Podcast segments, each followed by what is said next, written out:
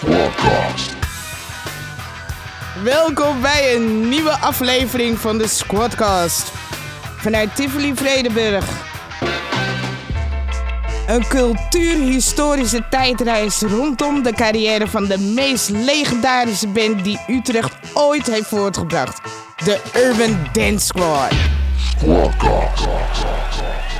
Presentatie Peter Bijl. De Urban Dance Squad, de meest legendarische band die Utrecht ooit voortbracht. Een band die heel veel in zich had, die kon rocken, die kon funken, die rapte, die van alle markten thuis was. En zeker ook van de noise-markt. Een wervelwind, dat waren ze al die jaren op het podium. Onder meer eind 1991, zoals ze Tivoli Oude Gracht volledig afbraken. Twee avonden achter elkaar. We knallen er eerst eventjes in met God Bless the Queen. Welkom bij de Squadcast.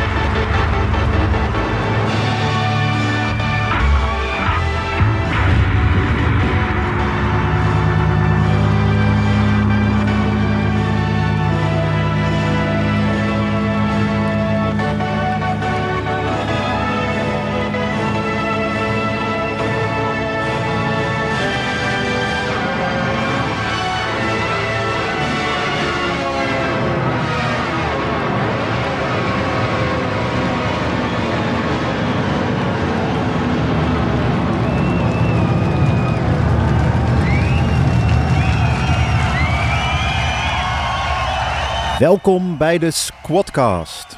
Mijn naam is Peter Bijl en ik ben jullie cultuurhistorische reisbegeleider door de carrière van de Urban Dance Squad. Vandaag gaan we naar het tijdvak 1987 tot 1992. De vijf jaar wanorde, zoals documentairemaker Bram van Splunteren, die in 1992 voor de VPRO op camera vastlegde. Squadcast. Later in deze serie gaan we ook in op de achtergronden van de band, waar ze vandaan komen. De naam Vrije Vloer zal regelmatig gaan vallen.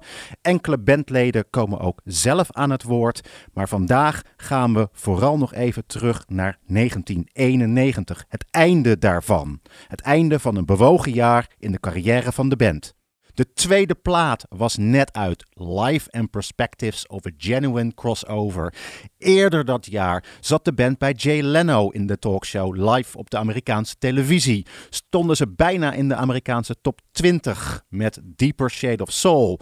Toerden ze keer op keer door de Verenigde Staten. Ook heel uitgebreid met de band die op dat moment groot en toonaangevend was, Living Color. En ja, vandaag gaan we een klein beetje in op die periode. We doen dat straks met de hoofdgast in de studio, documentairemaker Bram van Splunteren. We hebben in de studio Rob H. Becker, de presentator van het allereerste optreden van de Urban Dance Squad in Muziekcentrum Vredenburg begin 1987. En we hebben als co-host vandaag in de studio Norman Capoyos, die ongeveer alles weet van de Urban Dance Squad, die ook eh, redacteur is voor deze squadcast en eh, die in de eerste uitzending, die u hopelijk ook gehoord heeft, Limp Bizkit zanger Fred Durst en Doc E Doc leden John Connor en Dave Niebor voor de microfoon heeft gekregen. Norman, wat was het moment dat jij met de squad in aanraking kwam? Voor mij was dat de release van uh, Bureaucrat of Flacco Street.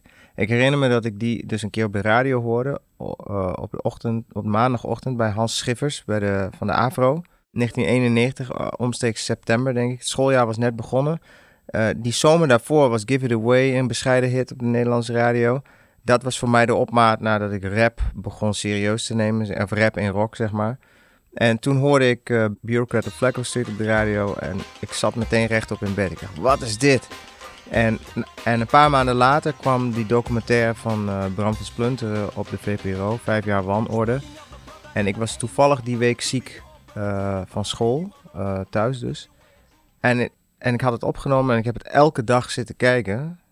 En nou, dat moment was ik verkocht. Dus bij mij is het Live in Perspectives eigenlijk, de plaat waar ik aanhaakte precies in diezelfde periode, herfst 1991, kwam ook de grote wereldwijde doorbraakplaat uit van de Red Hot Chili Peppers, Blood Sugar Sex Magic, waarin Norman al even naar refereerde naar het nummer Give It Away. Iemand die ook heel close uh, die dagen met de Red Hot Chili Peppers was, schuift zo dadelijk dus aan in de studio. Documentairemaker Bram van Splunteren.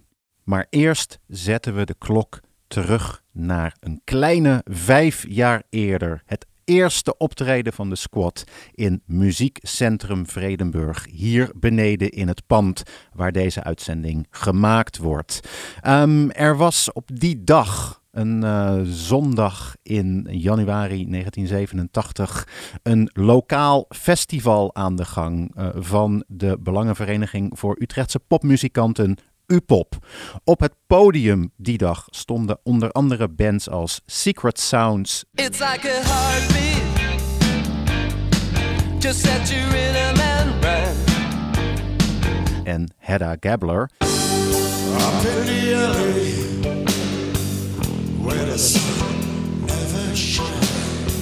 En uh, de Urban Dance Squad gaf daar zijn eerste echte optreden voor een uh, Utrechts publiek. En het bleek de opmaat naar een glanzende, jarenlange carrière. Eigenlijk was het bedoeld als een eenmalige jam sessie, maar het publiek stond zo in vuur en vlam en de pers ook vooral dat dit optreden een heel lang staartje kreeg. Het Utrechts Nieuwsblad schreef over dat optreden met de kop Urban Dance Squad verrast met rappers op Upop Festival. En in het artikel zelf komen de volgende passages naar voren. Na de afdeling Candlelight veranderde Vredeburg in een heuse disco. Keihard en overdonderend bracht de gelegenheidsformatie Urban Dance Squad wat leven in de brouwerij. Metal go-go uit ons koude kikkerlandje. beukende drums, een loeiende gitaar à la Run DMC en Beastie Boys en scratch-effecten. Na een paar nummers werd de band aangevuld door twee rappers, die hun Amerikaanse collega's imiteerden met hun Adidas-kleding, baseballpad en breakdance-oefeningen. Overtuigen deed UDS, toen al die afkorting, zeker, al mankeerde er nogal eens wat aan de einde van de nummers. Dankzij het strak aangehouden tijdschema werd de a cappella toegift van de rappers voortijdig afgebroken door de presentator. Verbaasd bliezen zij de aftocht. En na dit optreden en deze recensie daarvan in het Utrechts Nieuwsblad konden we duidelijk zeggen: the word is out. Er zijn ook nog opnames van eh, die specifieke show. En eh, daar gaan we nu een klein stukje van luisteren: Struggle for Jive.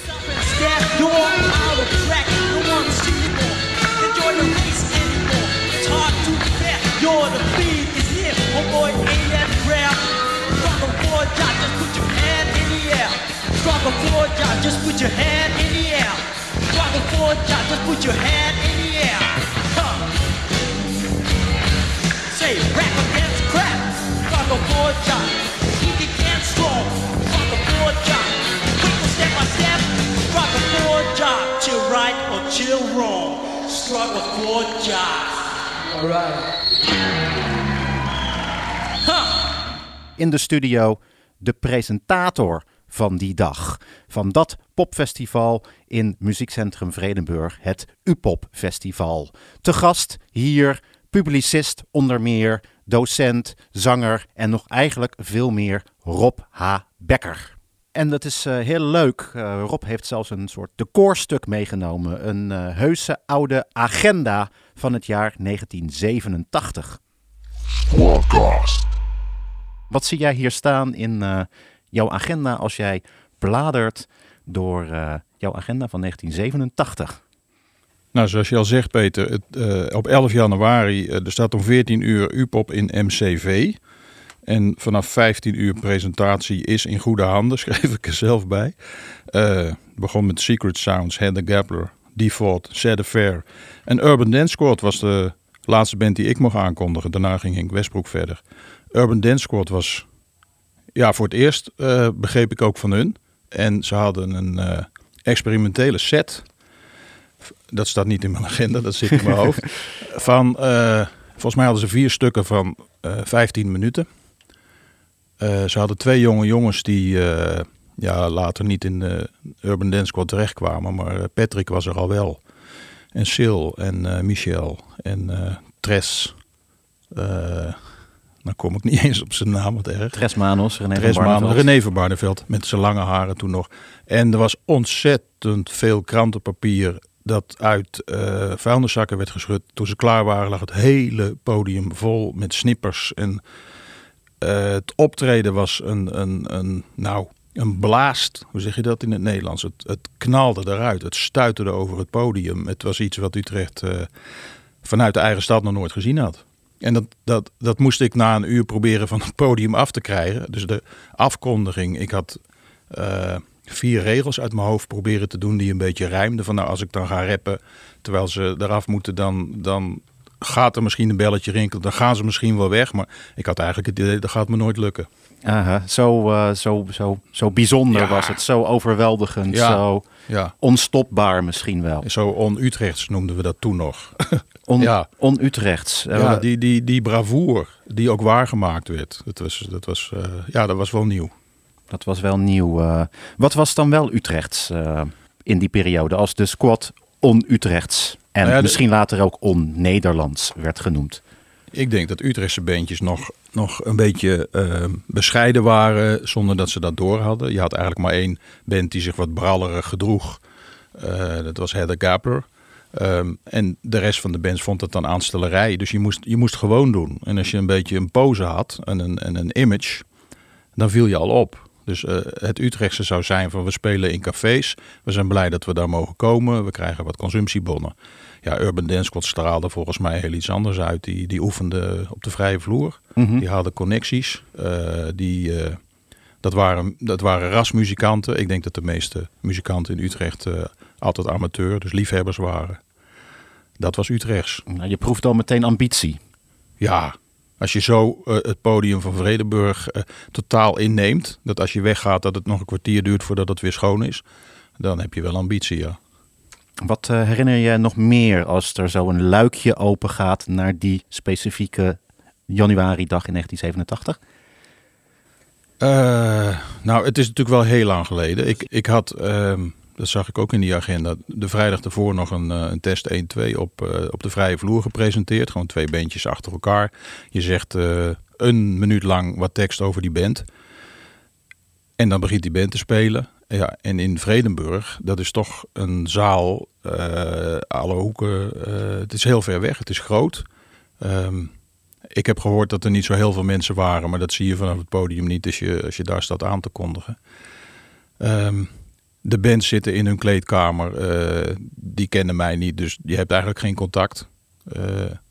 Het is ook een beetje, ja, je bent in dienst van die bands, maar wat, wat hebben ze eigenlijk met je, met je te maken? Zij doen het werk en je prevelt wat. Eh, dat, dat, dat heeft verder niet een, eh, ja, daar heb ik eigenlijk geen indruk van over. Ik denk dat ik gewoon goed mijn huiswerk had gedaan en eh, netjes in dienst van de bands ze heb aangekondigd.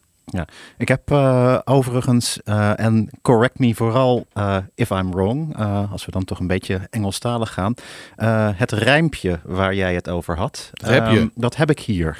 Ehm, dus vertel vooral of dit inderdaad klopt. Uit betrouwbare bron, of in ieder geval uit bron, is hier dance, dance, dance. Dansen en zweten, golven percussie, rototons, chants plus blazers, chants plus blazers, feel the groove plus go-go, hip-hop, hip-hip, hit-hot, urban dance squad.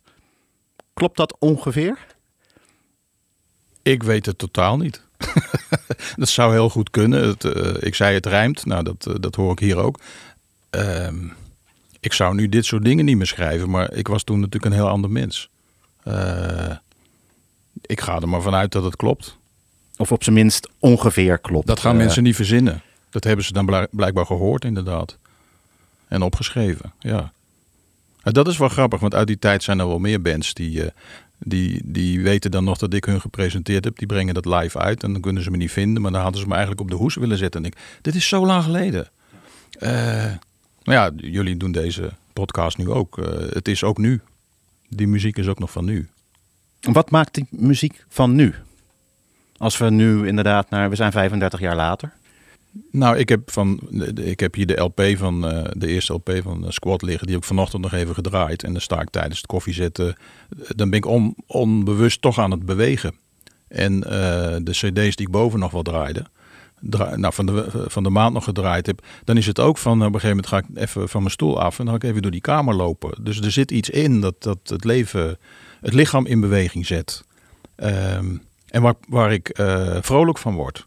Eh, los van wat de teksten precies zeggen. Maar ze zijn heerlijk om mee te schreeuwen, mee te zingen. These are the words, but you don't make contact. Stupid! Weet je, dat soort Mhm. dingen. T-shirt dat ik had, stupid. Eh, nog in Tivoli toen ze twee avonden achter elkaar optreden. eh, traden. Toen had ik me zo nat gedanst dat, het, eh, dat ik een t-shirt van hun kocht om nog naar huis te kunnen met een droog shirt aan. Dat soort dingen. Ja, alive. Warcast. Utrecht is geen stad waar mensen nou echt trots zijn op dingen die hier vandaan komen. En ik denk dat het daar bij, bij de squad wel was. Dat het ook eh, met open bek was van wat ze in Amerika voor elkaar kregen. Dat ze navolging kregen van Rage Against the Machine. Die dan groter werden. Maar dat we er eigenlijk verontwaardigd over waren. Van wat is dat nou? Dit is van ons. Weet je, dat gevoel. Je hebt echt een Utrechtse band. Waar je, eh, ja, waar je fier op bent. Dat, dat is gebeurd. En eh, met de tweede plaat, eh, ja, wat meer thematisch gemaakt. eh, even wennen. Die vond ik ook erg mooi. Met die derde, keihard. Wat was het? Persona non grata. De Tivoli stond vol als ze kwamen. En dat ging allemaal op en neer. Als het dan gaat over publieksbeleid, daar weet ik het wel. Daar stond ik tussen. En in die tijd ging ik daar ook vooraan staan. Dat was ja, het, energie. Heel veel energie. En hoe ze dat neerzetten, ja, dan is het niet zo gek dat, dat het meteen aansloeg. Want het was ook visueel wat ze, hoe ze dat podium innamen. Daar, ja, daar, daar gingen mensen iets mee doen, dat snap ik wel. In een eh, krantenbericht stond ook dat de PA werd opgeblazen tijdens dat eh, show en dat er een speaker eh, of een basbox sneuvelde. Dan is dat zo. Het is allicht de legende, maar Je zou, er hing wat in de lucht, blijkbaar. je zou eh, het moeten vragen aan eh, Henk Westbroek of ze lang hebben moeten pauzeren voor de volgende band op kon treden. Of eh, bij, bij Bram Donkers die dit soort dingen in gang zetten. Van, klopt het? Ik weet niet. Wanneer je net vertelde over de, de trots van Utrecht, die er toch ook wel was al die jaren, dat de squad telkens weer terugkwam in Tivoli, kunnen we hier zeggen dat in Nederland misschien de band niet zo op waarde is geschat, maar toch altijd heel erg in Utrecht wel in het hart zat? Ja, dat lijkt me wel. Ik spreek, ja, ik spreek vooral voor mezelf. Eh, dit was een serieuze band. Zoals je kunt denken van, ja, ver weg is de Golden Earring een serieuze band. Dat staat niet ter discussie, alleen die komen niet uit Utrecht. Wat had je in Utrecht daarvoor dan? In het donker zien ze je niet. Als je zwijgt, dan horen ze je niet. Dus hou je adem nu maar in en stik niet. Er was verder niet zoveel. En het neerkijken op bandjes, ja. Eh, sommige Nederlandstalige dingen gingen daarnaast juist wel goed. Maar Engelstalig was toch altijd... Ja, waarom in het Engels? En dat vroeg je bij de Dance Squad niet af. Straks in de uitzending te gast Bram van Splunteren. Eerst gaan we even terug naar een flits uit 1992.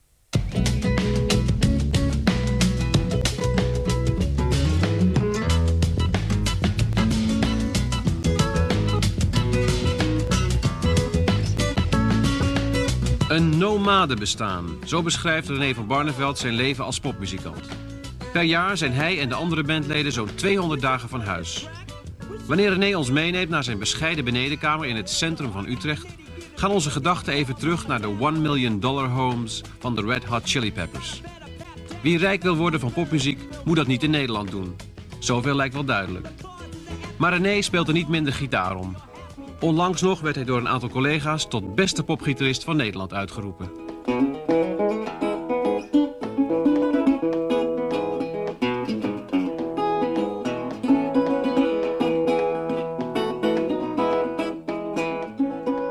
Een mini-introductie van gitarist René van Barneveld van de Urban Dance Squad, oftewel Tres Manos, door Bram van Splunteren in de documentaire Vijf jaar wanorde uit 1992.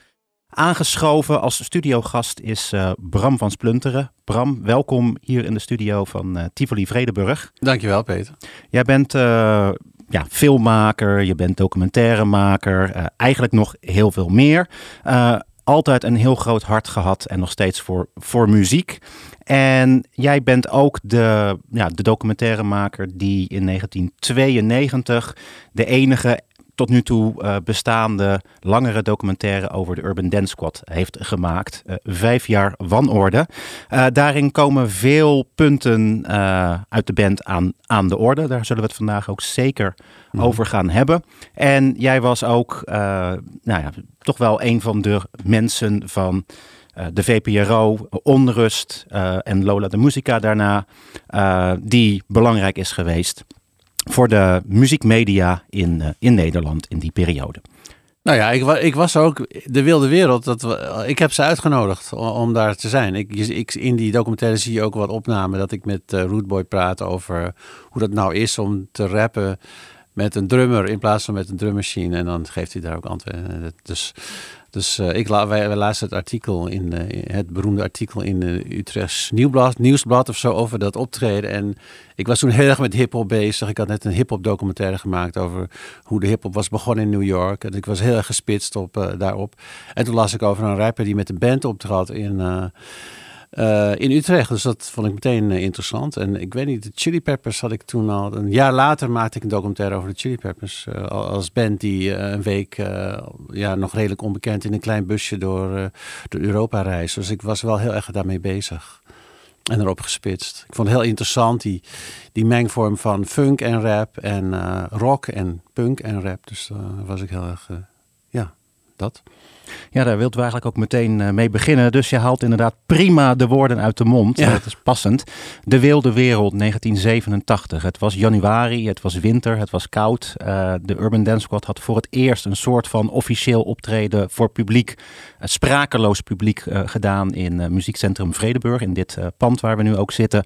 Eh, het U-Pop Festival, een festival eigenlijk van lokale bandjes die volgens een aantal mensen die er ook waren niet altijd even goed waren. Ehm, sorry mensen als jullie nu luisteren, jullie waren geweldig.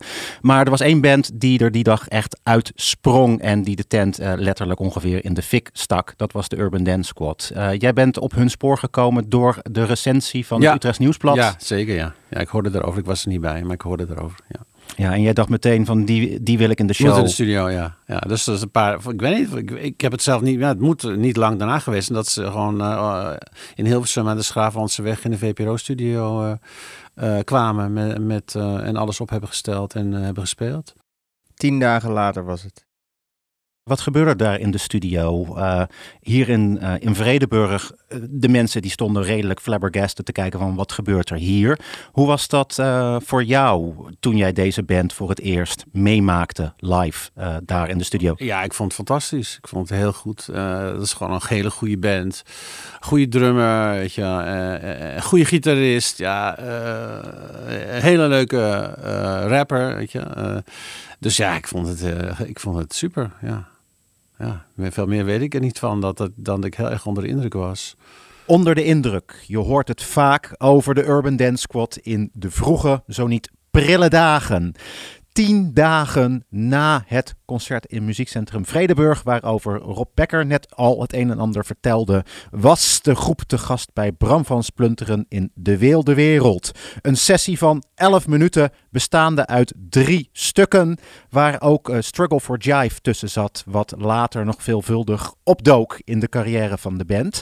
Iemand die er ook bij was en later ook uit de Urban Dance Squad eigenlijk verdween, of van het toneel verdween, was MC Deems. Een stukje gaan we luisteren van deze sessie, eh, toch wel unieke opname. En het eh, stukje wat we gaan draaien, dat is de speed metal rap. We komen erin op ongeveer acht minuten van deze sessie. En eh, ja, onder de indruk, ik weet niet of jullie het ook gaan zijn, luister vooral heel erg mee. En bedenk, het is januari 1987 bij een band die nog in zijn vroegste dagen zit.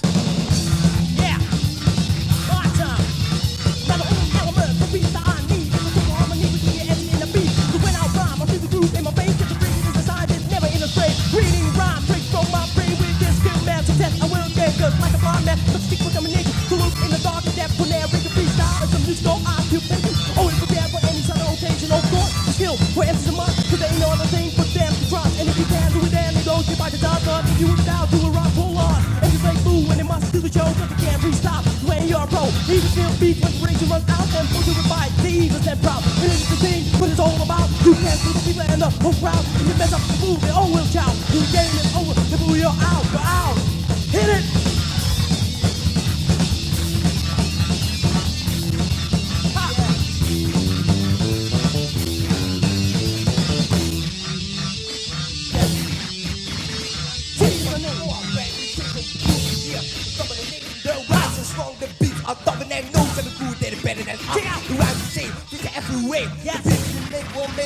Sure. We are here, right space, to rock on earth, the human race. We don't believe that loop up in the air, Yeah. singing run enterprise flying everywhere. Cause the booze so deaf, the music is the best word ever. The rest so super bad. We dog, the basis hasn't been down with the super supersonic, everything showing down with the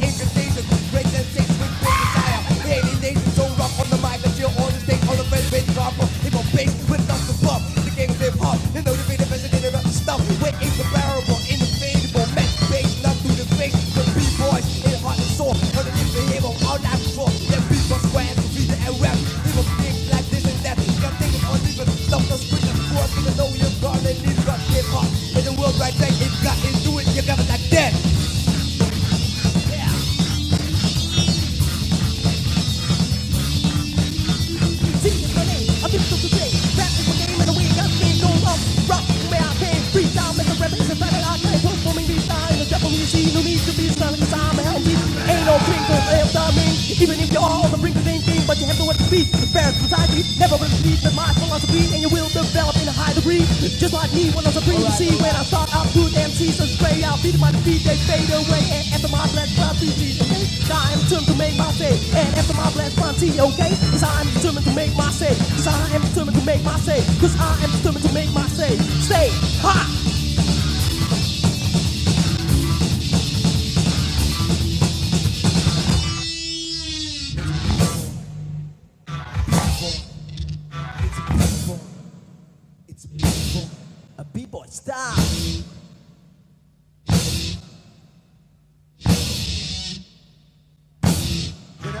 Dance Squad, y'all. Huh. Where the b-boy style? B-boy style. MC is Root Boy Cole Remington. My name is Colt MC Remington. from the Urban Dance Squad. Yeah. Huh. Podcast. Pas later, toen ik voor die documentaire, eh, heb ik alle individuele bandleden geïnterviewd. En eh, over hun verwachtingen van die band. Toen die band, toen, weet je, over dat moment dat die band begon. En ja, dat vond ik wel leuk om terug te zien. Ik heb dat vanmorgen nog even gedaan. Dat, eh, ja, eh, weet je, dat René van Barneveld dan vertelt van ja. ja, ik weet niet wat ik wilde. Ik wilde gewoon mezelf kunnen zijn. En ik wilde een soort van magic band zijn. Van, als de band van Captain Beefheart. Hè? Dat, dat, dat hij in zijn hoofd. En Michiel Schoots wilde gewoon funk drummen. Weet je, want ik kwam uit de div. En eh, ehm, ja, en, nou, en dan eh Rootboy was natuurlijk, eh, die kwam gewoon uit de hip-hop. En dat, wist ik inmiddels. Dus ja, dat was, dat was leuk om te horen hoe zij met zeer verschillende verwachtingen. En dat, het dus, dat ze zelf ook niet gedacht hadden dat het zo'n waanzinnige chemie zou. dat er zo'n waanzinnige chemie op het podium opeens zou plaatsvinden. Dat was voor hunzelf, vertelden ze dan ook, een on- bijzondere ontdekking. Een beetje uit de hand gelopen in die zin. Ja, de hand gelopen. En dat ze dan al vijf jaar, dat ze toen ook al, dat zei Michiel volgens mij ook, dat, die, dat ze niet, ze, ze namen het niet zo serieus, want hij wist, dat zegt hij ook in die documentaire, hij wist dat ze zo, zoveel verschillende characters waren, met zoveel verschillende achtergronden. En allemaal op hun manier natuurlijk, dat denk ik dan, eh, hele sterke persoonlijkheden. Dat het überhaupt een wonder is dat ze het zo lang met elkaar uitgehouden hebben. Is dat, eh, en dat is een documentaire geweest in 1992. Daarna zijn nog acht jaar Urban Dance Squad geweest. Is het, als jij die documentaire eh, nu nog eens terugziet, is het inderdaad echt een wonder geweest dat ze het nog acht jaar hebben uitgehouden met z'n allen? Of, Nou, eh, ik vind het wel, nu ik, het, nu, ik die, nu ik die weer terugzie, denk ik dat wel, vind ik dat wel een beetje. Ja, Dus ik, kijk, je moet je goed begrijpen, ik ben een soort generalist hè, als, als filmmaker en als programmamaker. Ik, ik maakte gewoon aan de lopende band programma's. Weet je? En documentaires, reportages, hup. Het was alleen maar eh, op pad gaan, draaien, monteren, uitzenden, hup, volgende. Dus ik ben geen kenner van de Urban Dance. Ik, ze hebben wel een speciale plek, omdat ze een van de weinige bands zijn waar ik een documentaire van 80 minuten over gemaakt heb. Dat waren twee delen van 40 minuten. Dus, eh, en ik heb met name met Patrick eh, een bijzondere band gehad in die tijd, omdat ik eh, we gingen toen door Amsterdam Noord lopen met zijn Mattie, eh, van waar voor hun de hip-hop eh, en de muziek begonnen was. Weet je, dat was fantastisch. Nico Dijkshoorn die vindt dat nog steeds het beste interview ooit met een popmuzikant.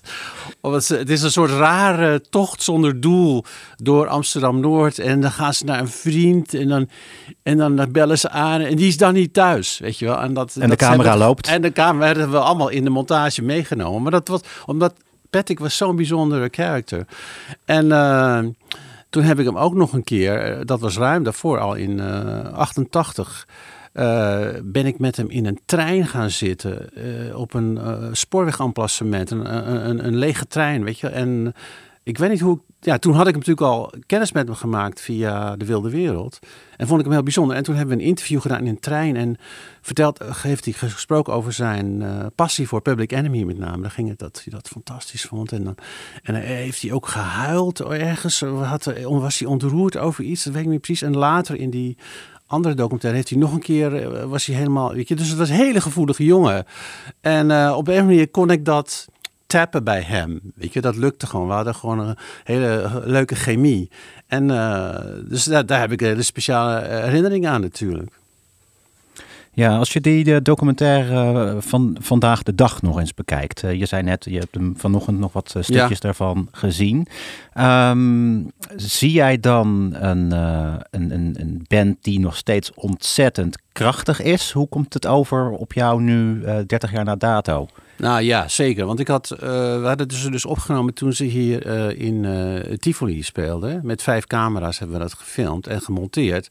En ik zat het net te kijken, de, eh, eh, de opname van No Kid. Sowieso is dat mijn favoriete nummer van de band. Ik weet niet. Eh, maar eh, dat is zo. Ten eerste was het optreden fantastisch. Mensen die voortdurend op het podium kwamen en er weer van afsprongen. En ik had een cameraman in het publiek gezet die echt met moeite die camera recht kon houden. Maar dat gaf zoveel sfeer. En we hadden vier camera's op het podium. Dus we konden heel het heen en weer snijden. Tussen het scratchen van Arjen en de drum van Michiel, die heel krachtig is. Weet je. En dat allemaal snel gemonteerd. En ik weet nog dat er een, een recensent was, een zijn zeiker in de Volkskrant. Die vond het allemaal veel te wild gemonteerd. En dit was allemaal, het was toch niet, deed geen recht aan de band en zo. En ik zie het nu terug vanmorgen. Ik denk van wauw, wat is dat lekker gemonteerd. En wat is le is het lekker. eh, Het is een wa- waanzinnig leuke registratie eigenlijk van die band. En je ziet ze echt in topvorm. En je ziet alles wat er gebeurt. Je ziet, maar het is heel modern eh, gemonteerd eigenlijk voor die tijd. We, we, we vonden zelf ook wel dat het vrij wild was. Maar nu, ja, zie je het, denk je, ja, prima. Ja, prima. En nu gaan we het ook eventjes eh, beluisteren. De opnames zijn op YouTube ook te vinden van, eh, van dat concert. En je spreekt nu over No Kid. Dit is een stukje No Kid.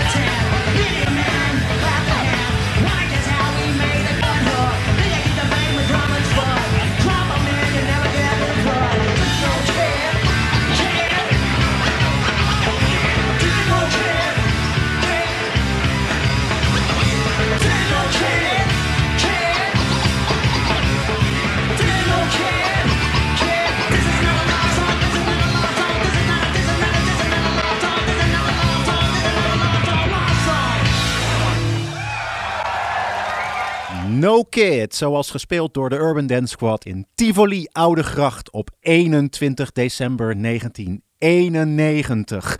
De Squad is eh, altijd toch vooral voor veel mensen een live band geweest. Hoe, Bram van Splunteren, is dat voor jou?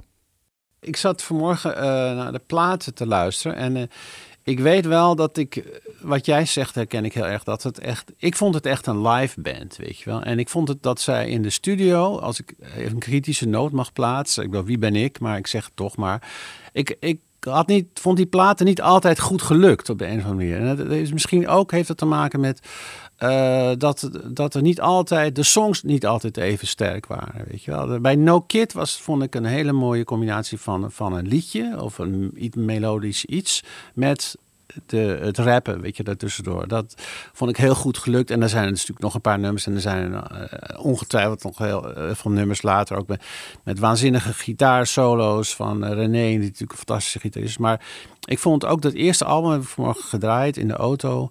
Dacht ik van, ja, ja, Ehm, eh, ja, ik hou dan meer van. Maar goed, het gaat helemaal niet om mijn persoonlijke smaak. Maar als ik, weet je, ik ben, ik hou dan, ik kan dan nog heel goed naar de Black Rose uit die tijd luisteren. Want dat was echt mijn favoriete band. Gewoon rock and roll. Maar zo, daar ben ik ook mee opgegroeid. Uh, ik had soms wel moeite met die lange stukken uh, hip-hop of rap eigenlijk. Uh, die maar doorgrooved. En, en live is dat fantastisch. Maar op de plaat vond ik dat dat beter had gekund. En, en dat chaotische herken ik ook wel een beetje. Dat het soms elkaar in de weg lijkt te zitten. Dat er eigenlijk. En dan dacht ik ook meteen weer aan al die persoonlijkheden. Die natuurlijk allemaal hun ding ook nog moesten doen binnen die band. Weet je wel. Dus uh, uh, ja. En er was volgens mij ook, dat dacht ik ook in de auto van, wie was eigenlijk de leider van die band? Was er iemand die de regie had over wat er gebeurde? Of was het gewoon van, nou, inderdaad, zo, zoals het een beetje leek, van een soort anarchie eigenlijk. Vijf jaar wanorde. Dus er is niet ook een leider, weet je wel. En dan doet iedereen maar gewoon zoveel mogelijk zijn ding. En, dus los daarvan was het natuurlijk een fantastische live band. Weet je, want al die energie kwam dan samen en dat kwam op een goede manier samen. Op de plaat vond ik het, vond ik het soms minder goed. Daar, uh, over het feit dat, dat het een goede liveband was, daar zijn bijna alle meningen het Ja. wel ongeveer eens. Uh, in een eerder moment in deze podcastserie werd ook gewoon genoemd overdonderend. Een woord als elektriciteit kwam, uh, kwam naar boven.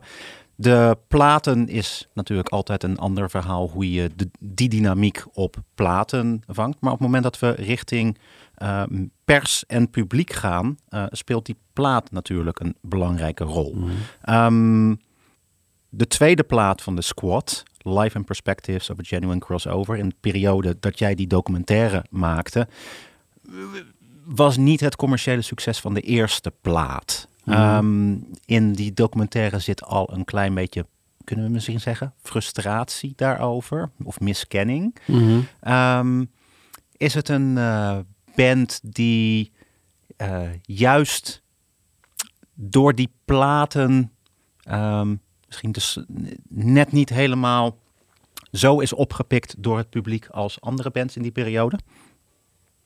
Ja, moeilijk te zeggen. Kijk, uh, waren de platen te lastig? Is dat het woord? Ik denk het ja. Ik dat, dat, denk dat dat ook in Amerika wel een rol heeft gespeeld. Uiteindelijk moet je in Amerika toch gewoon uh, een paar goede songs hebben die op de radio komen. En dan, uh, weet je, kan het wat worden. Ja.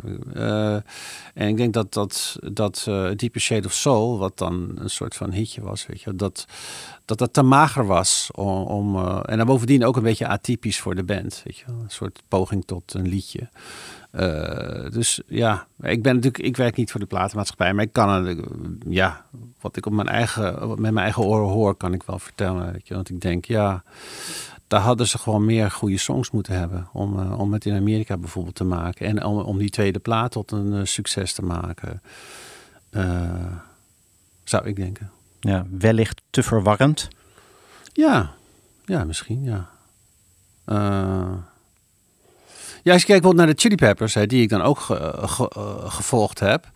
Uh, die, die waren toen al bezig met uh, meer liedjes te maken. Hè. Die begonnen al in begin jaren negentig.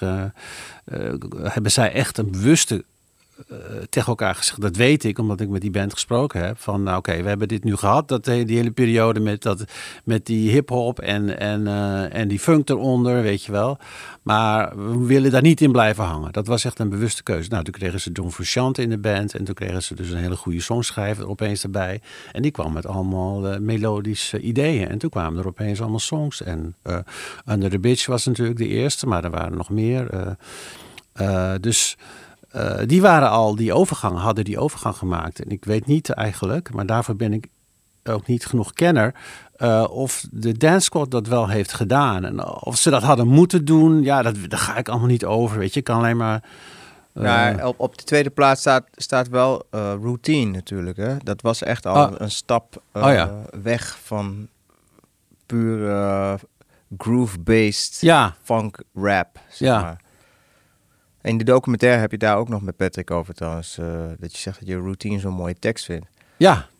Maar ja, wat, wat, routine, wat met routine niet gebeurde, gebeurde in diezelfde tijd wel met eh, Under the Bridge inderdaad. hm. Ja, waarom dan niet? Wat denk jij? Als. eh, Ehm, ja, dat weet ik eigenlijk niet.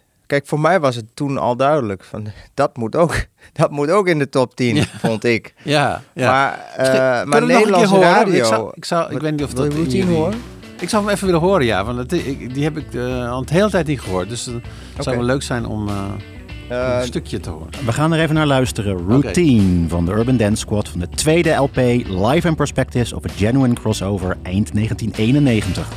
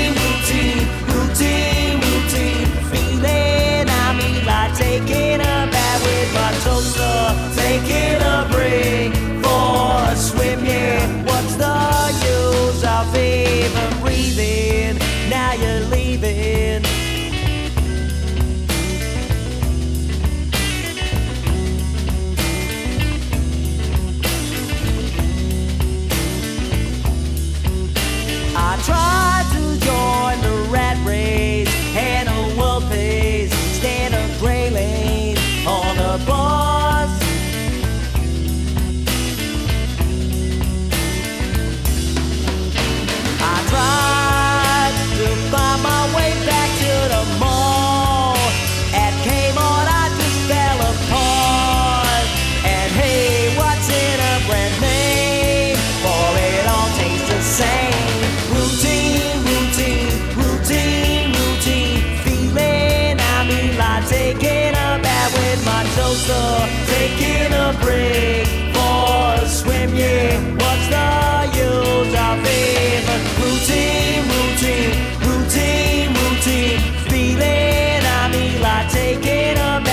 my toaster. Taking a break for a swim, yeah. What's the use of even?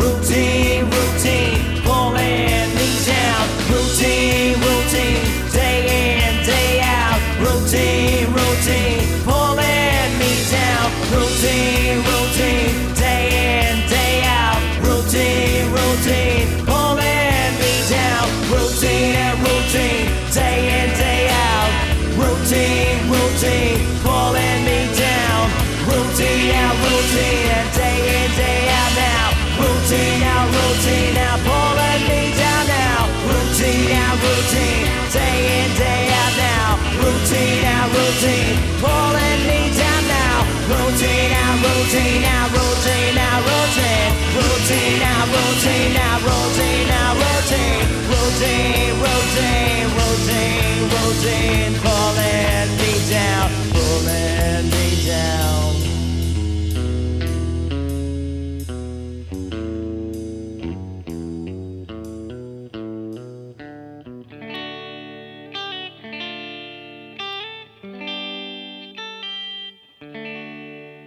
Routine van de Urban Dance Squad van de tweede plaat Live and Perspectives of a Genuine Crossover. Bram, je noemde net de Red Hot Chili Peppers die juist in die periode, eind 1991, begin 92, uitgroeiden van een nou, een beetje cultband naar eh, een band van bijna stadionformaat in een half jaar tijd, min of meer, met. Give It Away en Under the Bridge. Het is precies dezelfde periode. Ehm, het is misschien lastig om vergelijkingen te trekken. Het zijn ook andere bands en komen natuurlijk uit een hele andere wereld. Maar eh, hoe zie jij dat de Peppers wel dat grote succes hebben gekregen met de liedjes die ze gingen maken met John Frusciante in de band en dat dit nummer en deze afslag van de Urban Dance Squad dan commercieel misschien niet lukte? Ja, dat is heel lastig om te zeggen. Dat, dat is een combinatie van, denk ik, van factoren. Eh, op het eerst gehoord, als ik nu weer dit terug hoor, het routine, denk ik, ja, het is toch niet zo sterk. Het is een beetje eh, een zeikerig eh, melodietje, ook niet heel erg sterk gezongen door Patrick, vind ik persoonlijk, weet je wel. Eh, hij is natuurlijk een waanzinnige rapper, maar dit, ja, het viel me eigenlijk een beetje tegen toen ik zijn stem hoorde van, oh ja, god, jeetje, wat dun is het, weet je wel. Het is niet heel powerful. En nou is Kiedis ook niet de beste zanger, dat weten we ook. Van de Peppers. Van de Peppers, ja, en Trudy Kiedis, maar dat Under Bridge doet hij toch wel eh, goed genoeg, weet je wel. Eh, dat komt er wel over, even goed, eh, hoe hij niet de beste zanger is. En dat is natuurlijk met een aantal van die andere nummers later, met hun, ja, is het ook. En Give It Away is natuurlijk echt, dat is voor hem perfect om te doen, weet je wel. Dan kan hij, hij heeft wel een mooie stem daarvoor. Dus ja, daar hebben platenbazen zich ook natuurlijk wel eens over gebogen. Van ja, waarom is dit nou geen hit geworden? Het andere wel. Dus eh, ik ben daar natuurlijk ook geen expert in, maar dat is mijn, mijn eerste indruk is dat eigenlijk. Ja, Ja, want je hebt bij- beide bands wel van dichtbij genoeg meegemaakt in die periode. ja zeker. I don't ever wanna feel like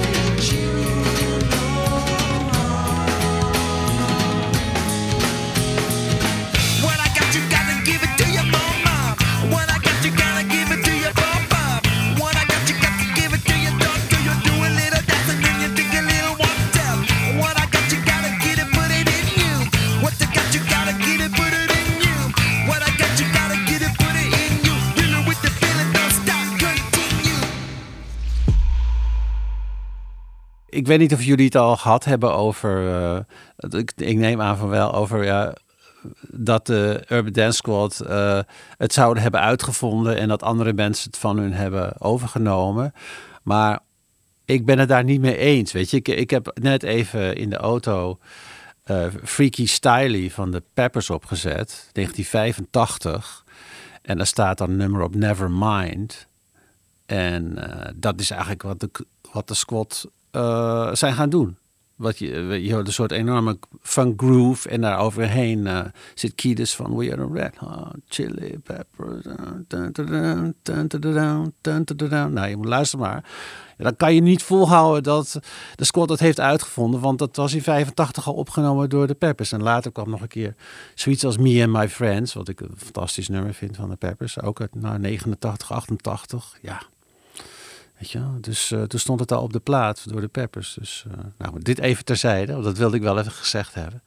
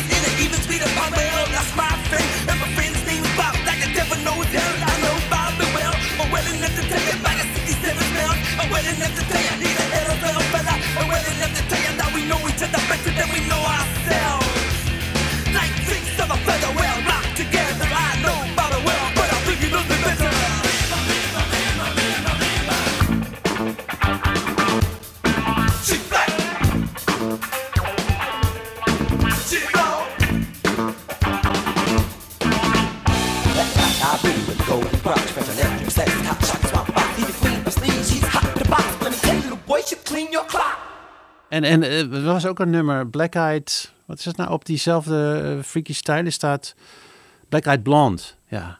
dat is wel grappig. Dat klonk een beetje als de Div. een soort funk groove. En die platen van de Div zitten vrij goed in mijn hoofd. Want die vond, ik vond de Div altijd een hele leuke band. En dat zegt Michiel Schoots ook in die, in die documentaire. Van, eh, eh, ja, ik wil gewoon funk. Dat deden we bij de, bij de Div al, weet je. En dan- hoorde ik dus dat Black Eyed Blond van eh, Peppers. Dacht van, ja, dat klinkt helemaal als de diff. Behalve dat Kiedis dan hier overheen rapt. En uh, die zong meer, weet je wel. Maar het was wel datzelfde gevoel. Dat is heel grappig. Weet je, dat was natuurlijk een amalgaan van invloeden. En, en, en dat was een soort ook een natuurlijke ontwikkeling die moest komen in de rockmuziek. Weet je, nadat we eindeloos veel rock and roll hadden gehad, toen kwam de punk. En uit die punk kwamen weer, kwamen weer nieuwe dingen voort. Weet je, en, en, en dat loopt allemaal door elkaar heen natuurlijk.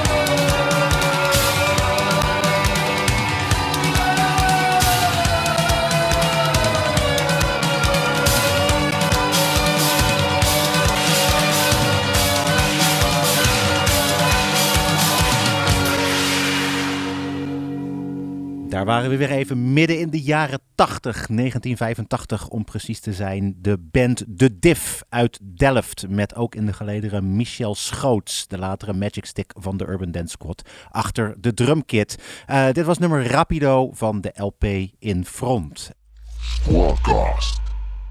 Ik denk ook dat, dat het niet zozeer is eh, wat ze muzikaal eh, deden in, in het combineren van rap en rock, zeg maar, wat nieuw was. Hè? Want je had ook, eh, hoe heet dat nummer?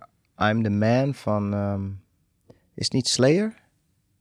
Oh ja? Ja, een van die metalbands die had, had toen ook al een nummer waar eigenlijk een soort van in gerapt werd. Anthrax. Mm. En je had natuurlijk eh, heel de Def Jam stal, waarbij Ja. met Public Enemy en Ja. Beastie Boys, Ja. eh, waar gewoon ook harde gitaren door Rick Rubin Ja. onder die beats gezet werden. En, eh, dus Ja. dat lag er allemaal wel. Ja. Maar en, wat, en Rick Rubin, als ik even, te- nu ik er toch over heb, want ik heb me daar wel echt in bezig gehouden. Ik heb een plaat thuis, die heet, die is van de Smurfs. Hmm. En die heet For What It's Worth. Smurf For What It's Worth. Geweldig plaat. Nou, dat was nog voor Def Jam. Hè? Dat waren, en dat was Bernard Fowler, die nu bij de Stones zingt. Die zit daar op, op die plaat. En dat is een waanzinnig nummer. Dus daar, daar hoor je al die keiharde gitaar. En dan een soort beetje oldschool-achtige rap eroverheen. Dat is wel leuk. ja.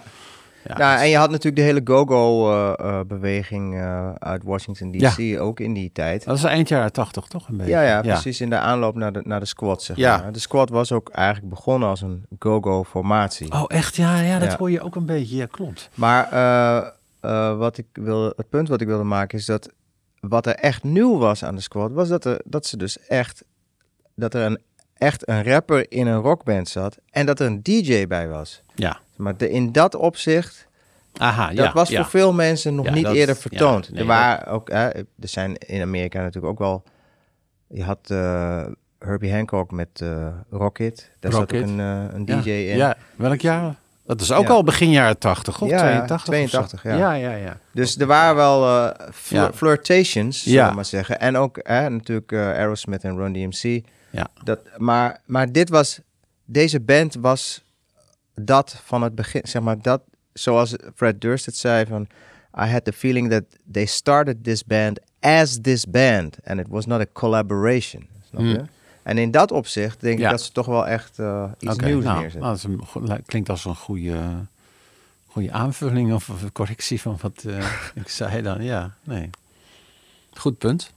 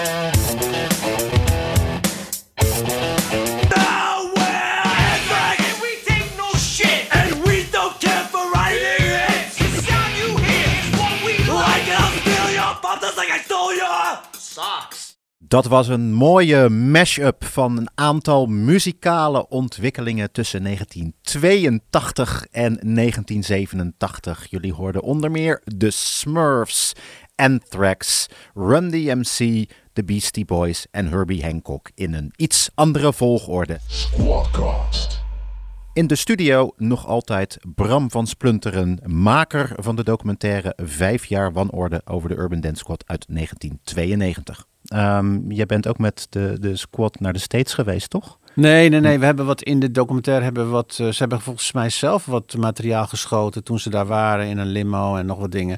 En die heb ik gewoon van ze gekregen en heb ik in de film gemonteerd. Maar ik ben zelf niet mee geweest. Oké, Dus dat- ik, weet, ik weet er niet zoveel van hoe het daartoe ging, behalve dan wat ik zag op die beelden. En ik vind het ook raar dat die, eh, die documentaire van ons, weet je, dat er nooit iets mee is gebeurd. Want we hebben wel eens gezegd van, jeetje, het is verdorie de enige docu die er is over jullie. Waarom kunnen we die niet uitbrengen, weet je? Toen voor, dat was voor eh, dat het alles gestreamd werd. Dus gewoon als, als DVD, weet je wel.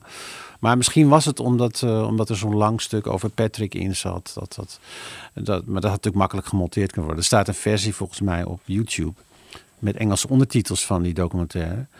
En daar is volgens mij in geknipt. Daar hebben ze volgens le- Nee? Volgens mij niet. Oh, toch niet? Oh, Nee, nou. ik, oh, ik heb die ondertitels geschreven voor, Oh.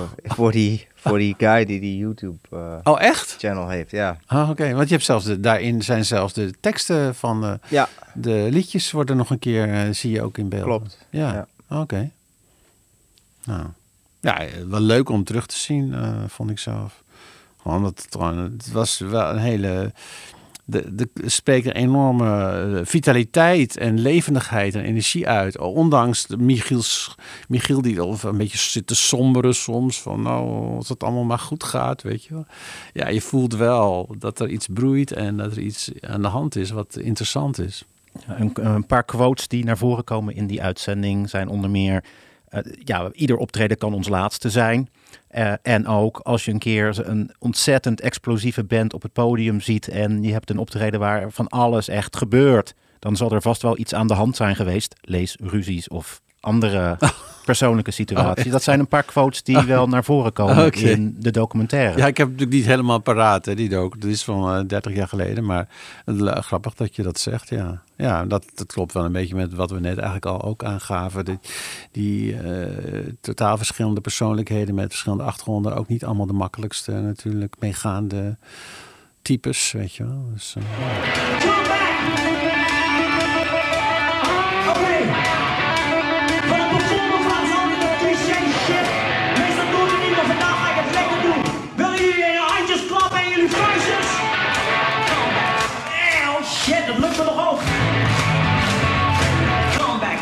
people try to come back.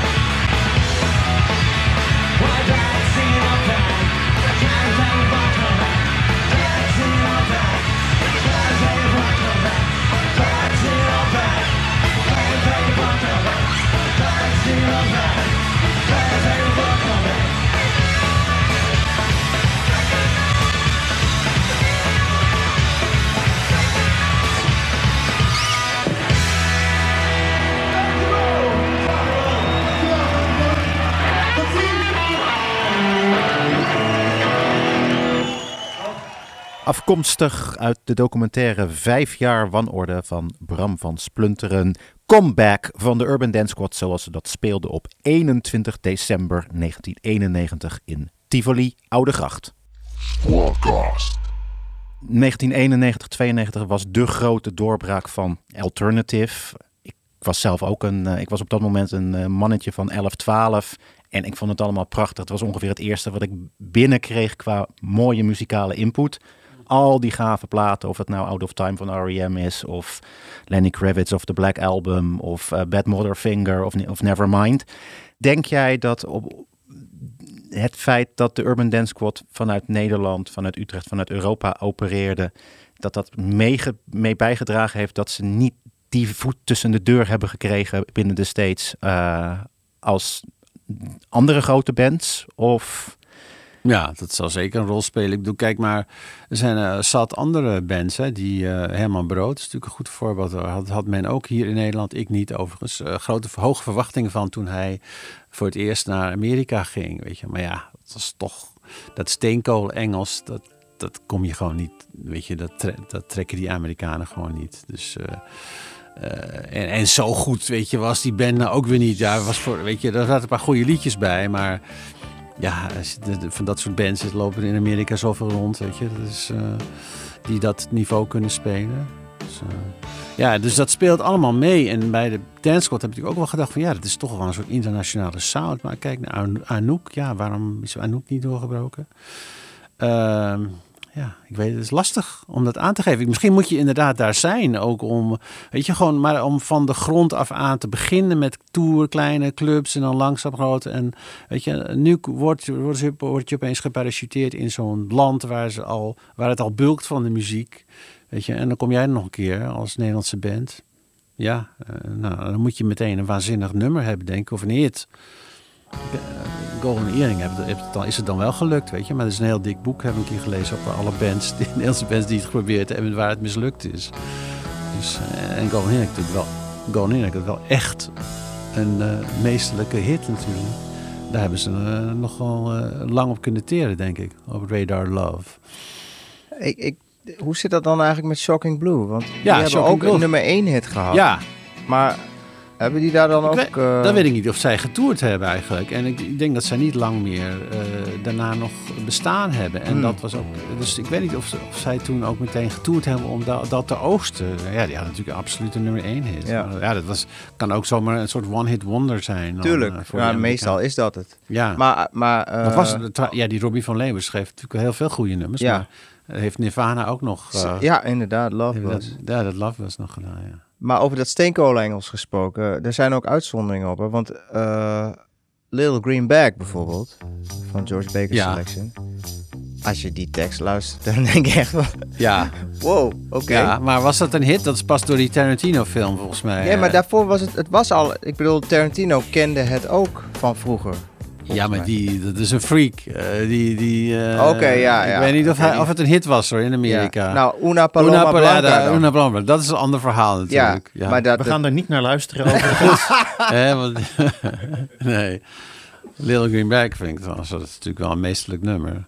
Maar ehm, ja, dat, weet ik, dat is lastig. Ik weet niet of het een hit is in- geweest in Amerika. nou goed, het is nu, het is... En dan als eh, het er is, dan kan altijd nog een novelty. Ja, oké, maar, maar dankzij Tarantino is het dus in de jaren 90 alsnog een soort van Ja, hit geworden. ja. Maar dan hoor je niemand van, eh, zo, eh, die uitspraak, dat kan echt niet. Nee, maar dat ik zeg, het heeft meer een soort novelty-achtig karakter. Weet je? Het, Ja, ja. Als een band zichzelf wil verkopen, moeten ze gewoon een breder repertoire hebben, lijkt mij.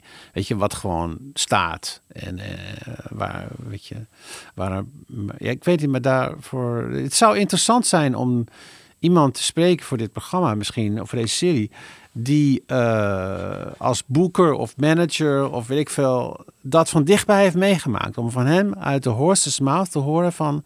Wat vonden die clubs ervan? Wat vond de pers ervan? Hoe is dat gegaan? Dat zou interessant zijn om te weten. Want dan kan je wellicht eh, lering uittrekken voor, oh, weet je, ik, ja, we leven natuurlijk in een andere wereld nu, waar alles meteen op YouTube staat. Dus Mhm. ik weet niet hoe dat nu eh, werkt. Maar toen was, ja, je moest ze wel echt zien, weet je, om te weten, is het wat? Of, ja, en dat, dus dat zou interessant zijn om dat te horen. Ik zou het ook wel willen weten. Maar ik denk het punt wat je noemde van, je moet daar eigenlijk zijn. dat dat dus wel echt eh, een grote Ja, rol heeft gespeeld. ik denk dat dat ook wel- dat om maar echt- weer met, met, over de Peppers te hebben, die, die wonen natuurlijk gewoon in Hollywood. Ja, die wonen in en, het, en die eh, waren op al die feestjes. En, Ja, eh, die waren weet- overal. Ja.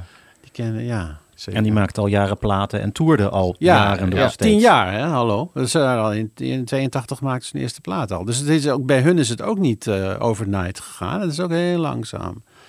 En, Ja, eh, dat vertelt Flea toch ook aan jou in die, Ja. eh, in die van dat die dat is als ze in de aanloop zitten naar het contract met Warner Brothers. Ja. ja. Ja.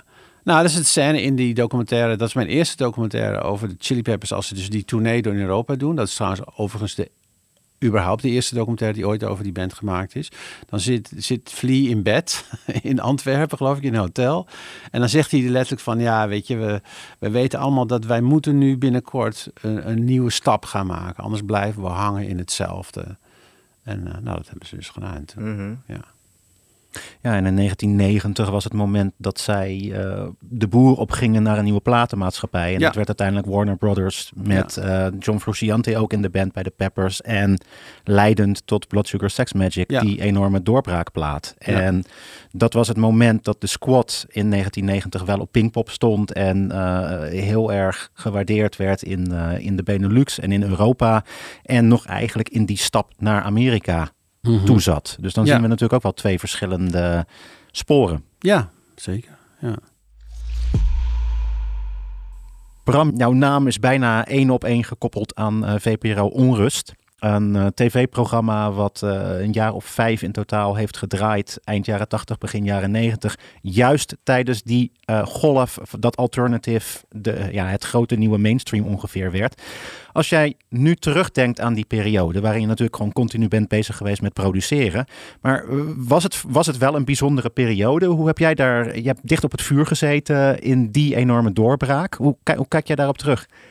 Ja, natuurlijk. Kijk, het was, eh, het was wel een bijzondere tijd, omdat eh, ja, natuurlijk de hip-hop was aan het doorbreken. De dance was er opeens. Hè. Dat was iets later dan de hip-hop. En, en, en eh, dan had je dus, ja, met Nirvana kwam, eh, was toch een soort bijna eh, commerciële payoff van, van de punk eigenlijk, weet je wel. Van, van die gitaarmuziek uit begin jaren tachtig. Alternative gitaarmuziek. Dus eh, ja, ik, ik, ik voel me wel bevoorrecht, als je dat zo mag zeggen. eh, dat ik juist in die periode, er gebeurde heel veel in de muziek. eh, eh, ja, een camera had altijd en een, en een plek waar dat uitgezonden kon worden. Weet je? Dat, en dat was inderdaad onrust. En dat was vier jaar lang. en later nog in eh Lollapalooza hebben we ook nog wat dingen gedaan. Maar de belangrijkste Lola de tijd Musica, was... ja. Ja, Lorde de Musica. En dat, eh, dus eh, ja, dat was voor mij eh, zeker een bijzondere tijd. Het was echt een overgangstijd. Weet je? Er, er kwamen allemaal nieuwe dingen borrelden op. En die gingen zich met elkaar vermengen. En nou, wat je ook in Engeland zag. Met die alt- alternatieve bands die opeens dance beats gingen gebruiken. Happy Mondays of zo, weet je wel. Dat soort. Ik was niet Jesus zo. Jones. Jesus Jones. Nou, dat was heel veel. Dus er gebeurde van alles. Dat was een mooie tijd, zeker. Stone Roses. Is, Ja. ja. Is die tijd eh, heel anders dan de tijd nu? En zo ja, waarin? Eh, ja, vast. Ik heb een zoon van 12 en die luistert Of naar- het hem vragen? Eh, nee, want die, die laat me regelmatig horen wat er trending is op TikTok. Weet je? En dan hoor ik weer een nieuwe hip-hop plaat of, of iets heel melodieus. Weet je? en dat klinkt dan heel erg als nu in mijn oren. Dan denk ik, oh ja, dat is dus de, kennelijk de sound van nu. Ja, ik vind het moeilijk om, om dat met elkaar te vergelijken. Want ik was zelf natuurlijk in die begin jaren 90 was ik gewoon fan ook van die muziek. Weet je, het was van de een wat meer dan van de ander, maar het was wel echt muziek die wat met me deed. Weet je, en dat heb ik natuurlijk nu veel minder bij deze. Wat er nu uitkomt, terwijl als ik zie, kijk naar mijn zoon, dan die vindt het allemaal prachtig. Weet je, en die loopt eh, door de kamer en die kent al die teksten helemaal uit zijn hoofd. Weet je wel, van, van de liedjes die hij dan mooi vindt. Eh, en dat, is zowel, dat zijn zowel zware hip-hop dingen als eh, Boy with Yuki. Ik weet niet of je van gehoord hebt. Dat is eh, een jongen die wiens gimmick het is dat hij alles met een ukulele. dat er zit altijd wel in ieder nummer zit iets met een ukulele. Hij heeft altijd zo'n ukulele op zijn rug als hij optreedt. Heel goed optreden in Paradiso. Had mijn zoon graag in gewild een, half jaar geleden.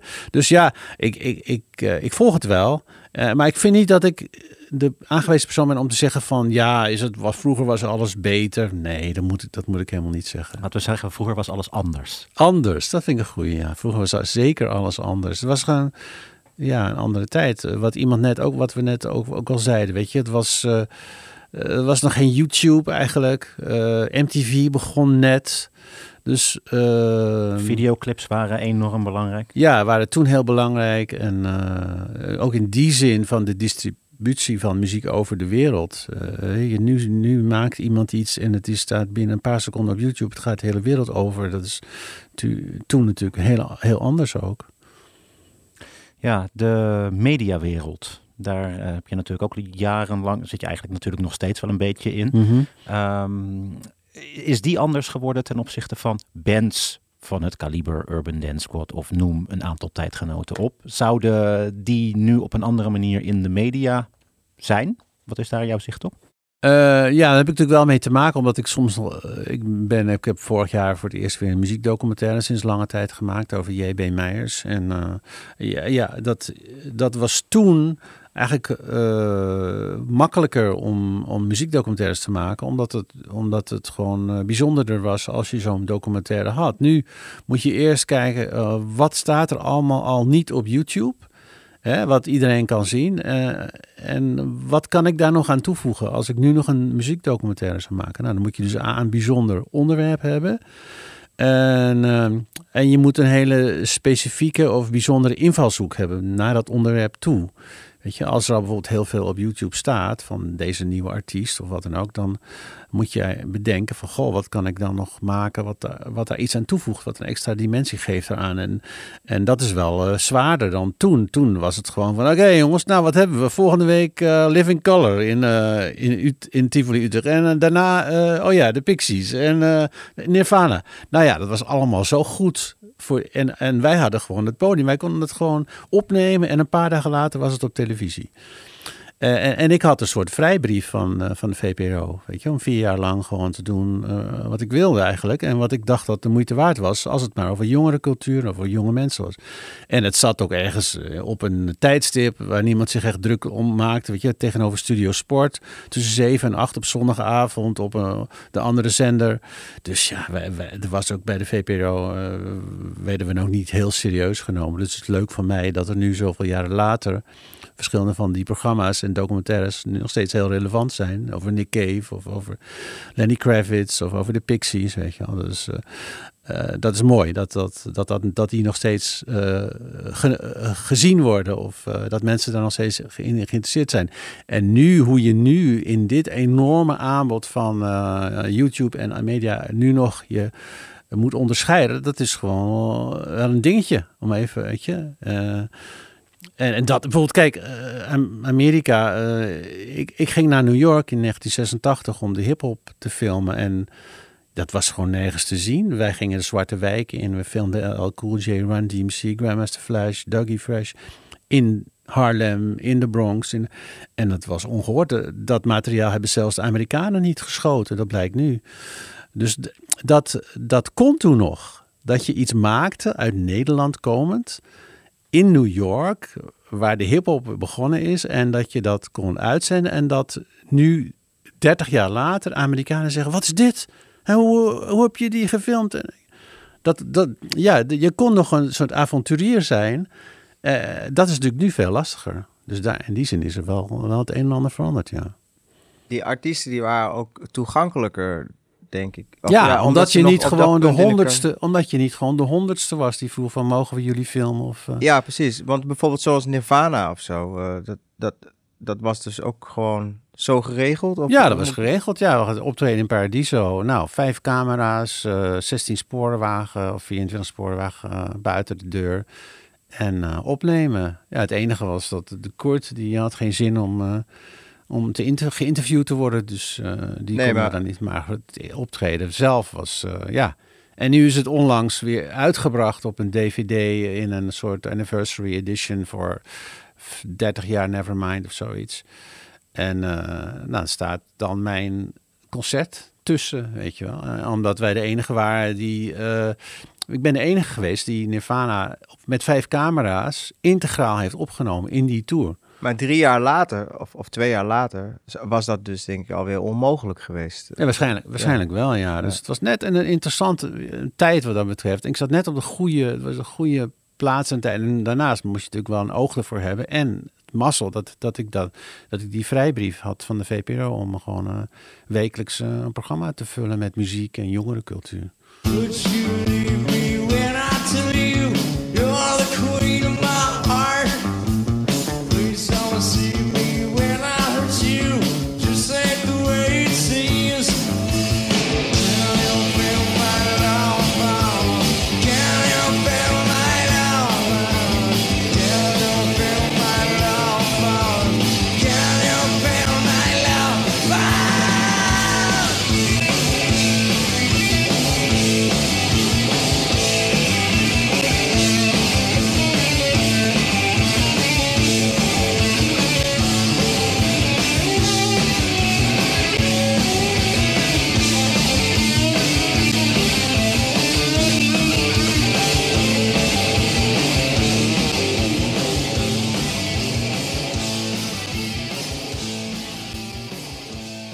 Dat was een eh, klein stukje van het legendarische concert dat Nirvana in 1991 op 25 november gaf in eh, Paradiso in Amsterdam. Het concert waar we allemaal bij waren, ook al waren we nog niet geboren, toch? Eh, dit was een stukje ook uit de uitzending van VPRO Onrust, opgenomen door Bram van Splunteren en ook uitgebracht op de 30 jaar Nevermind editie DVD. En ja, het leuke is, dit Love Bus, geschreven door Robbie van Leeuwen, de gitarist van Shocking Blue.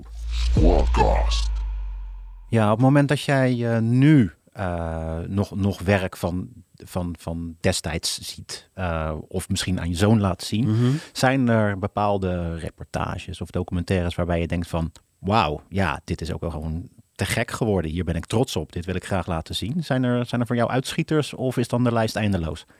Nee, niet eindeloos, nee, maar... eh, nou, of mijn zoon, weet ik niet of hij nou, nou nog geïnteresseerd is in hip-hop. eh, op LL Cool J op zijn achttiende in, eh, in Queens bij zijn oma thuis. Ik weet niet of mijn zoon daar nou echt wakker van zal liggen. Maar eh, ik vind dat dat is wel materiaal waar, waar ik ook in, een- in het buitenland reacties op krijg. Weet je, nog steeds. Waar nog steeds dat er weer een of andere rapper in, in, in Amerika is die.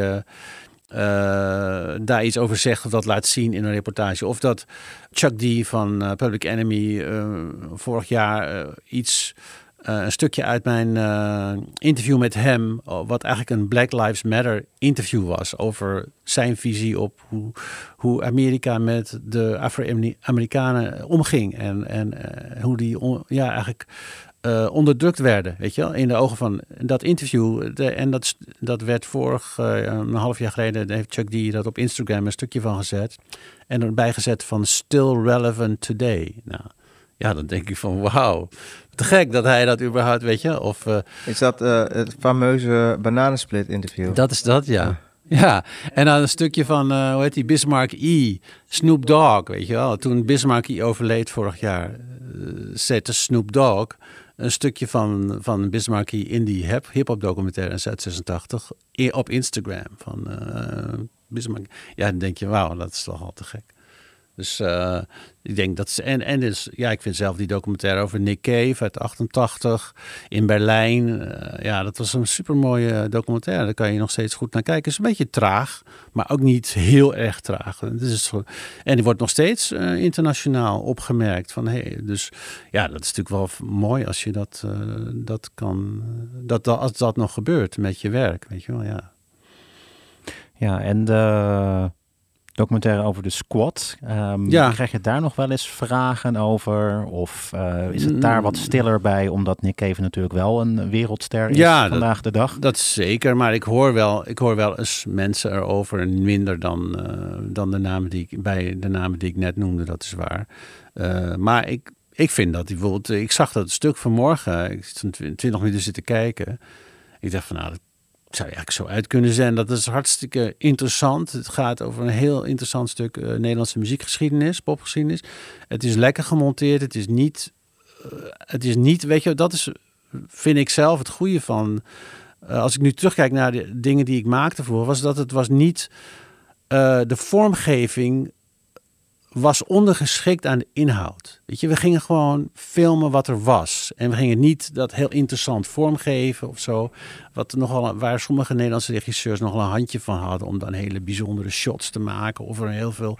En ik denk, dat heb ik nooit gedaan. En eh, ik hield daar ook niet van. En eh, eh, dat, dat maakt ze ook eh, heel erg watchable nog steeds. Want je zit niet naar een Ja, af en toe een beetje rare titels. Eh, maar voor de rest, hoe het gefilmd is, is gewoon heel recht toe, recht aan. Puur op inhoud.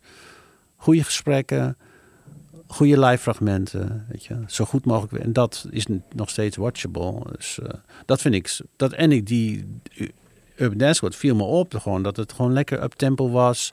En dat dat er interessante dingen werden verteld. Van, ja, daar wil ik best even naar luisteren. En dus, ja, dus eh, ik vind ook dat die, dat die weer uitgezonden moet worden, die eh, documentaire. Misschien eh, is er binnenkort een goed moment voor. Dan. Maar goed, daar ga ik niet over. Daar ga je Dan niet moet over. een zendgemachtigde moet dat doen.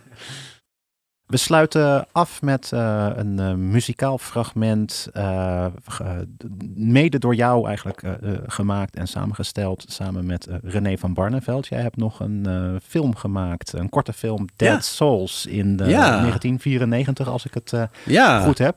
Ehm, waar ook de muziek van René van Barneveld een belangrijke rol in speelt. Zeker. Kun je, kun je daar nog iets over zeggen? Ja, dat, dat, is natuurlijk fantastisch. Dat, dat is goed dat je dat zegt. Want dat kwam eigenlijk natuurlijk door mijn contact met de band. Dat ik, ik, ik maakte toen een fictiefilm voor de VPRO.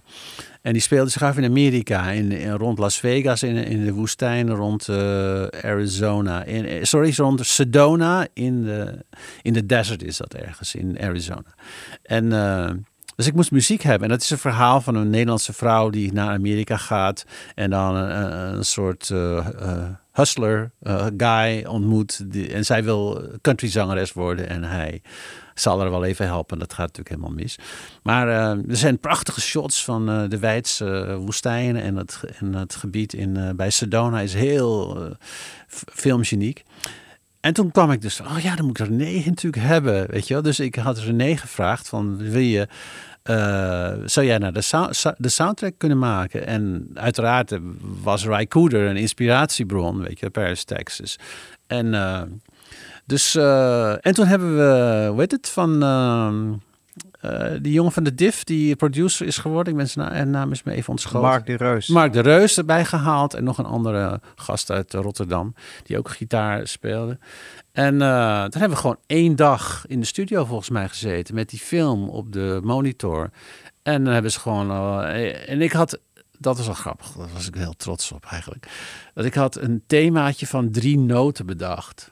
Down, down, down. Maar iets, zoiets anders, iets anders. Maar het was wel origineel.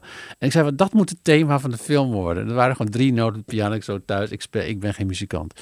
Nou, daar hebben ze, en dat hebben zij als soort inspiratie en gebruikt. En, daar, en toen hebben ze een hele soundtrack van mijn film gemaakt. Daar is weer een, een cd van uitgebracht door... eh, van collectors item nu ongetwijfeld. Door, maar er staan een paar mooie dingen op. Want laatst heb ik het nog een keer geluisterd. Want toen had ik een, eh, een podcast gemaakt met René over zijn favoriete gitarist. Dat kan ik je trouwens aanbevelen. Het is een waanzinnig leuke uitzending. Omdat hij met hele onverwachte gitaristen aankomt. En, eh, maar goed, dus toen hebben we het nog, heb ik ook nog even iets van die eh, CD met van de soundtrack van Dead Souls gedraaid. En ja, hij speelt daar prachtig op. En er zitten een paar hele mooie stukken bij. Dus ik ben heel benieuwd wat je gaat draaien. Nou, we gaan een stukje luisteren van eh, Music for Dead Souls. Bram van Splunteren, heel veel dank voor je komst hier naar eh, Tivoli Vredenburg. De plek waar ooit het eerste optreden van de Urban Dance Squad eh, was. Waarna jij meteen in actie kwam. En eigenlijk kunnen we zeggen, the rest was history. Dankjewel voor je komst en het allerbeste voor de toekomst. Dankjewel. Leuk om er te zijn.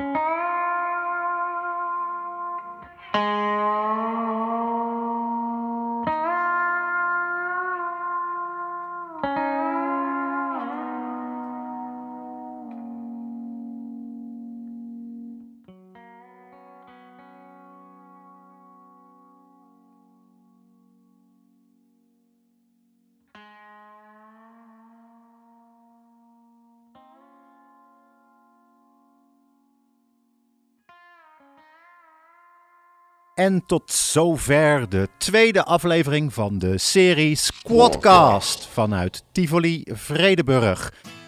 Vandaag zaten aan tafel Rob H. Becker, Bram van Splunteren en co-host Norman Capoyos. Volgende keer zullen dat ook Rootboy en DJ DNA, twee van de bandleden van de Urban Dance Squad zijn, wanneer zij Tivoli Vredenburg en Pandora aandoen voor een concert Rootboy Plays Urban Dance Squad featuring DJ DNA. Dank nogmaals voor het luisteren en tot squad. Vanuit Studio Pandora in Utrecht was dit de Squadcast. Redactie Peter Bel en Norman Capoyas. Techniek Don Funken. Productie Tivoli Vredenburg. Squadcast.